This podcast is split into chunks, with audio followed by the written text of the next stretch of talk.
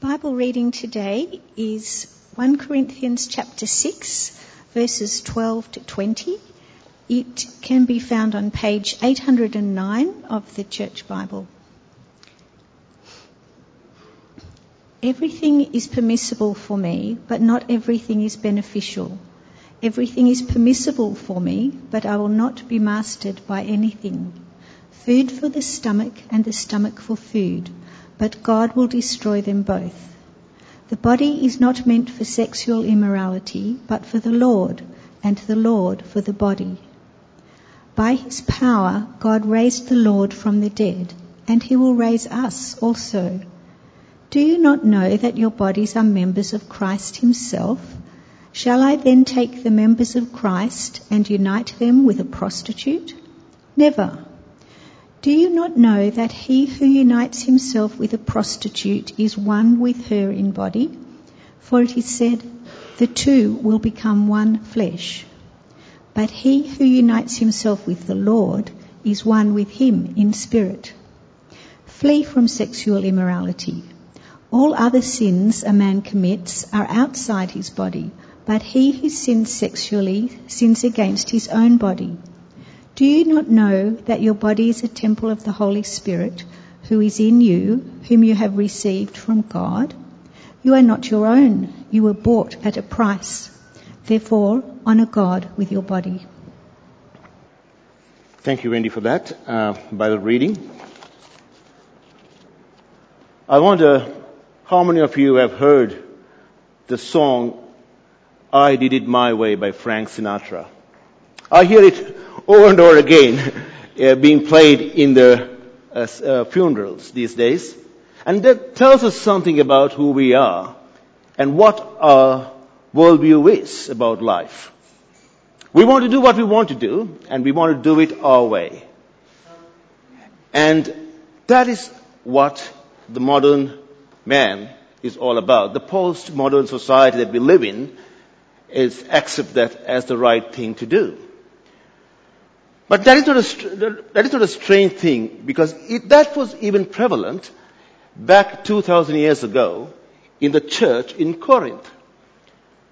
And Paul had to deal with that, particularly in the area of sexual activity.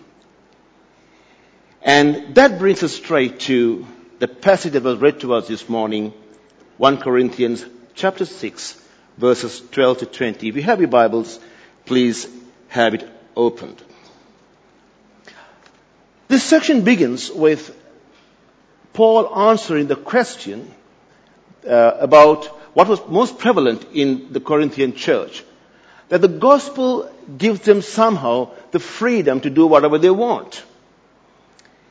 And that was based on a misplaced uh, Greek philosophical thought that the body was just an outer shell and it was the soul that really matters. Christ died for the soul. So at the end, it is the soul that matters. It doesn't matter where, how we live with our bodies, was their thought. And Paul had to really deal with that in his letter to the Corinthians. And in verse 12, and they used to use some cliches and um, to support their view on that. And in verse 12, he uses an interesting wordplay to refute those uh, cliches that the Corinthians used. In verse 12, he says, the Corinthians say, everything is permissible for me. But Paul says, but not everything is beneficial. The Corinthians says, everything is permissible for me. But Paul says, but I will not be mastered by anything. That was a bit, bit of interesting wordplay by Paul. But then when it comes to verse 13, he picks up a particular cliche and he addresses that and refutes it. Food for the stomach and the stomach for the food. What it really means is that the body is there to be satisfied and you can satisfy your passions the way you want. If you feel nice, don't think twice. Was their norm. And Paul uh, addresses that issue by asking uh, three important questions, beginning with the phrase, Don't you know? But before we go to that, we need to understand that our faith is a very bodily faith. God created man and gave him a body. God instituted marriage and ordained between a man and a woman, of course, and he ordained sexual union and through which they become one flesh. Our Lord came and dwelt amongst us in flesh, in a bodily form. He suffered death and was buried and he rose again in a bodily form. In Matthew chapter 27, verses um, 20, 51 and 53, gives us an interesting foretaste of what is to take place. As soon as Jesus rose from the dead, the tombs of those saints were opened and they walked out in physical form into the city. And with that, God has told the entire world, put the entire world on notice that there is going to be a physical resurrection for everybody.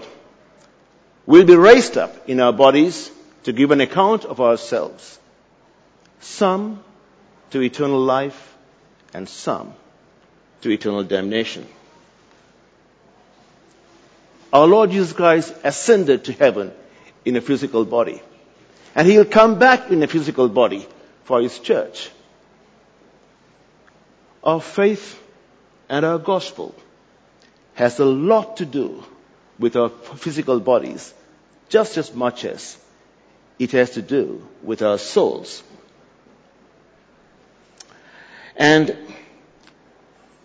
so what does this passage tell us about sexual immorality? It is telling us about good behavior and bad behavior? Is it telling us about good morals and bad morals? If we stay true to the passage, the answer is no. It is not talking about a legalistic living. If it did, then our faith becomes legalistic like the other religions. Because if you ask a Buddhist or a Hindu or a Muslim whether visiting a prostitute is the right thing to do or not, they will readily tell you that it was wrong, that we should not do that. But we as, for us as Christians, God has given us greater insight through His Word than what He has given to the unbelieving world. We need to unravel that, understand it, and live by it. And that is why Paul makes a departure in verse 14. If we read that carefully, we'll find that it says, By his power, God raised the Lord from the dead, and he will raise us also. What Paul is telling us is, guys, it is not about moral living. It's about the resurrection of Christ and our resurrection. It is the heart of the gospel. It's the heart of the gospel of Jesus Christ. So we are called upon to live not a good and upright life, but a life, we have to live out the life of the gospel in this world. We have to live out our lives shaped by the gospel. That is what Paul is moving towards in this passage. And to explain that, to what it means to be, to live a gospel shaped life, Paul uses the doctrine of the believer's union with Christ and explains that to us. And he asks us three important questions in verse 15, verse 16, and in verse 19 beginning with the phrase, don't you know? And Paul not only asks the question, he also gives us the answers to the questions. So if we can understand what Paul is telling us through his answers, we will know how to live a life shaped by the gospel, how to live a life of freedom in the gospel and in Christ. For example, if you take a you look at a fish tank, sometimes these little fish, they come up to the surface of the water and they jump up and they go down again into the, into the uh, tank. As long as they jump up and go down into the tank, into the water, they are doing well. But the moment they jump up and fall on the carpet, that's when things go wrong. We as Christians are like that. We have the freedom to rejoice and enjoy, frolic in our life within the boundaries set by God. We have bounded freedom in God, not unbounded freedom as the world would tell us to. So, in his first question, he asks the, uh, the Corinthians in verse 15, Do you not know that your bodies are members of Christ himself? In, what, in other words, what he's telling the Corinthians is, don't you know that you are united with Christ and you, as a believer, is a member of the body of Christ? Now, the union with Christ is best explained by the metaphor of the marriage between Christ and the church and his church. When a man and woman comes together in marriage, what happens is all what the husband has belongs to the wife. And all what the wife has belongs to the husband. There is complete transparency between them. There's no longer me and you, or I and you. It's about us and ours. So likewise, when a believer is united to Christ in faith, what happens is he or she hands over his, her entire unrighteousness and sinfulness to Christ and takes upon themselves the righteousness of Christ. Then, the indwelling spirit of Christ in the believer's life begins to work in their lives from that point onwards and continues to reshape and refashion our lives after the image of Christ. That, perhaps in a nutshell, explains what it is to be united with Christ. So now Paul asks them a second question in verse 15, or a second um, uh, statement he makes.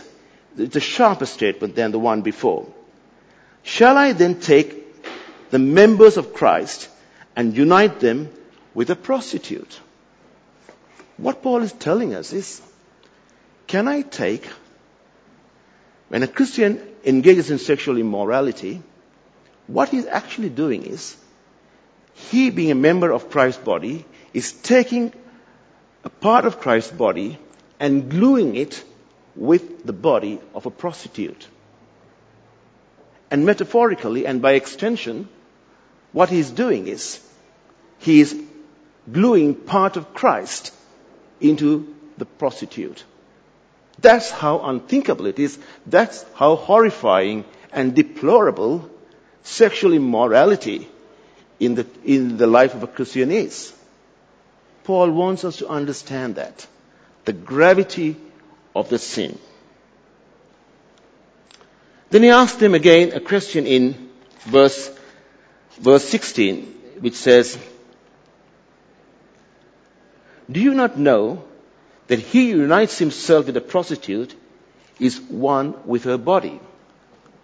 When a Christian unites himself or indulges in sexual immorality, he is becoming one flesh with the adulterer or the prostitute. Metaphorically speaking, you and I, if we do so, are dragging Christ into the act. That's how serious it is. That's how deplorable it is, according to Paul. And he says, flee from it. Then in verse 18, Paul says, sexual immorality is a peculiar kind of sin for a Christian. I wouldn't say that Paul is saying that it is the worst sin that a Christian can commit, but it is certainly one of a kind that involves not only the person, but also others in the body of Christ. Because when we are united to Christ, in the union of Christ, in the union of Christ, when we come on a Sunday morning, we gather as members of Christ's body as a holistic body here at this church representing Stanhope Gardens. It is not about individuals. It's about us. It's not about me. It's about the other person. It's not about me. It's about the church. So when one person indulges in sexual immorality, it affects all of us. If my life doesn't stack up, God forbid, it affects you, you, you, and you. Make no mistake about it. That's how serious sexual immorality is, according to Paul. And that's why he says it is a strange kind of sin, you know. It's a strange kind of sin. Every other sin that a man commits, he commits outside his body. But this sexual immorality, you are dragging not only yourself, you are dragging others in the church. You are dragging Christ metaphorically into the action. That is not on. Flee from it is his plea for them. Then in verse 19, Paul asks his final question. Don't you know that your body is a temple of the Holy Spirit? Now, Paul's readers were the Christians, original readers were the Christians from Corinth, and they can relate very easily to the various temples erected for the various deities, and in which those deities were dwelling or supposed to have dwelt in those temples. And according to the character and nature of each deity, the, the flavor and character of the, church, of the temple is determined. And Paul says, the nature and character of our lives as Christians is to preserve this temple in which the Holy Spirit dwells. This temple, which is our body, is set apart for God. It is holy. Dare not take it and unite it with a prostitute. Is Paul's argument. You commit sacrilege against the very temple in which the Holy Spirit dwells. Now, what do we understand by this theology that Paul wrote 2,000 years ago to the Church of Corinth? How do we, as modern men and women, relate to this theology? First of all, we have to understand that when a new person walks into our church as a Christian, when a new Christian comes into our church, he is coming or she is coming with a worldview that is prevalent in our society. That I can, I have the freedom to do whatever I want. The other day I was talking to a mother and she was telling me about her Christian experience and her walk with the Lord. She said she was a Christian after, until her teenagers.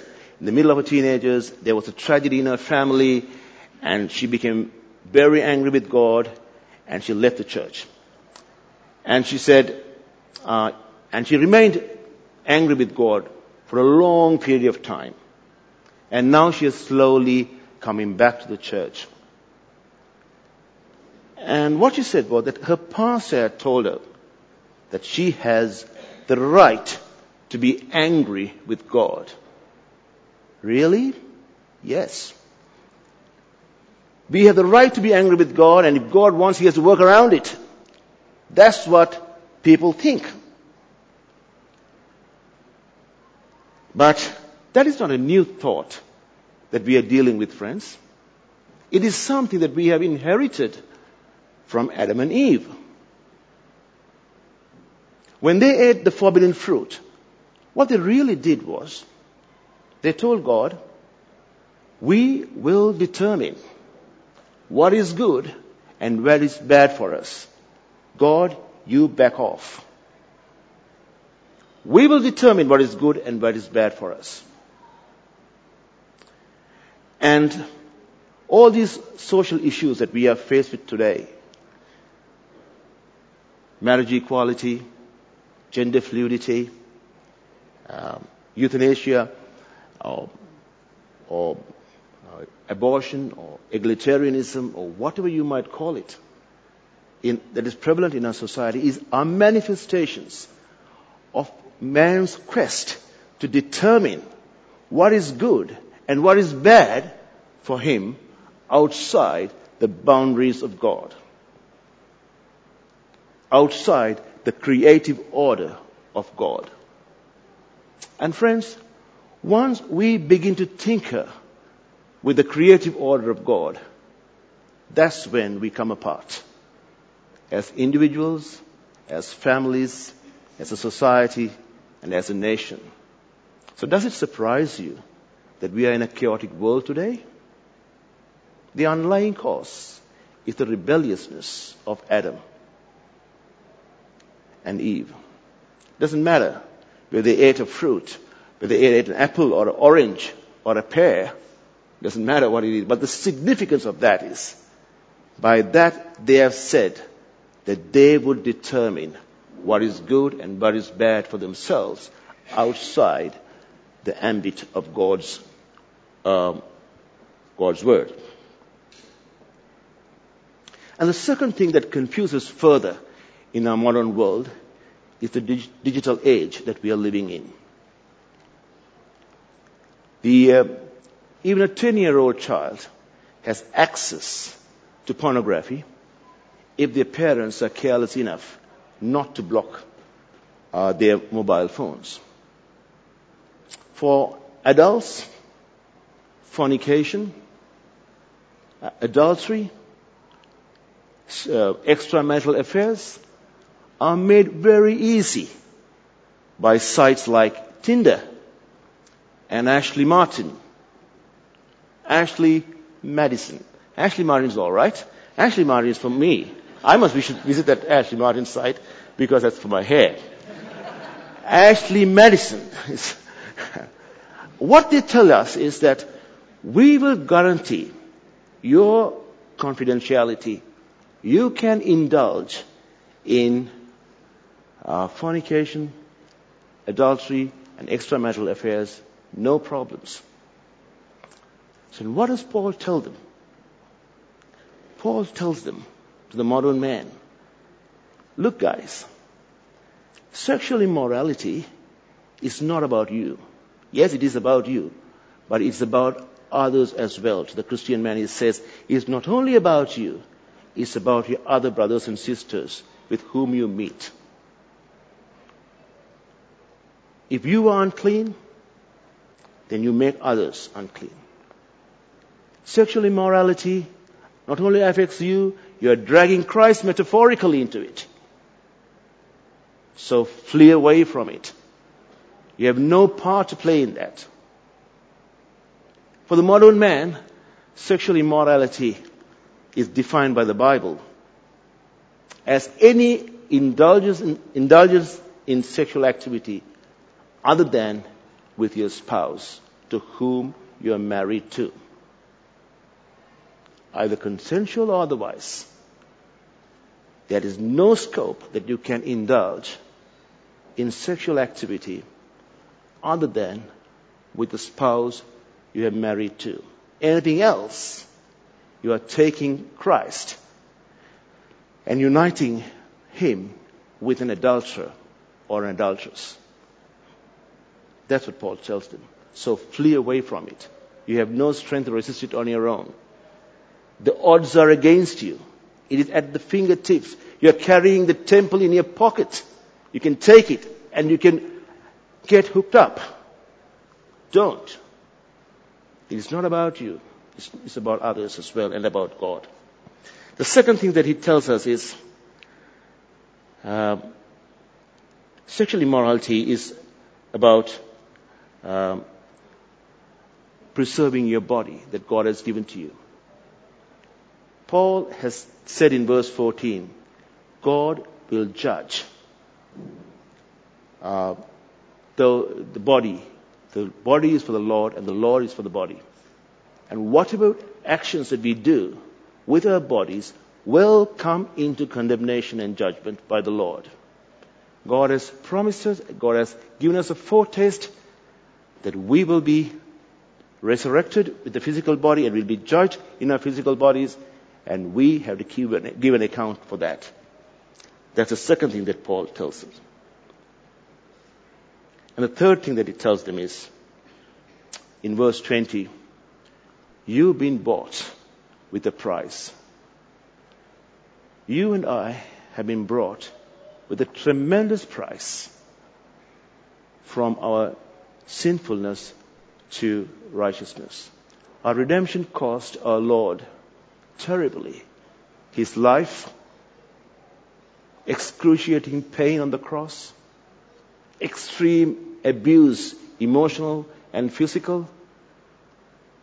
And at that cost, He earned our salvation for us. And if we are going to show a, a, iota of gratitude to our Lord, the Lord says, the, the Bible says in Romans chapter 12, verse, verses 1 and 2, I appeal to you, therefore, brothers, by the mercies of God, present your bodies as a living sacrifice, holy and acceptable to God, which is your spiritual worship.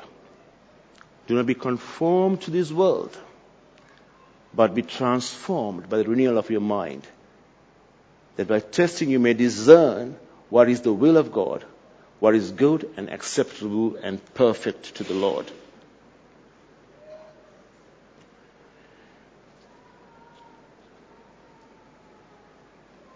So, for this reason, we need to flee from sexual immorality. Having said all that, I know that we live in a fallen world. Even Christians, in their moments of weakness, can fall into sexual immorality. Don't be surprised by that. And when we do, God forbid.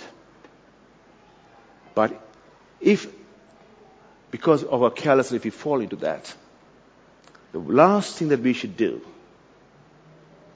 is to live with a sense of guilt. Because we have a wonderful, compassionate, merciful Savior who is able to restore us and renew us. We have to quickly get up and run back to the Lord Christian life is not about living a righteous and morally upright life. we can never do that. Whenever we fall, we have a recourse to run back to Christ. And that's what John records to, records to us in 1 John chapter 1 verses 8 and 9. If we say we have no sin, we deceive ourselves and the truth is not in us. But if we confess our sins, He is faithful and just to forgive us our sins and to cleanse us from all unrighteousness. We have a beautiful Savior, a wonderful Savior, a compassionate Savior, who gives us, who is a, He's a Lord of renewal. He's a Lord of chances. He gives us second, third chances. And He will put all those broken pieces of our life back in its place and make something beautiful something wonderful for him. So may the good Lord give us the strength to live, live out the gospel and to live a gospel shaped life to his honor and glory. Thank you and God bless you.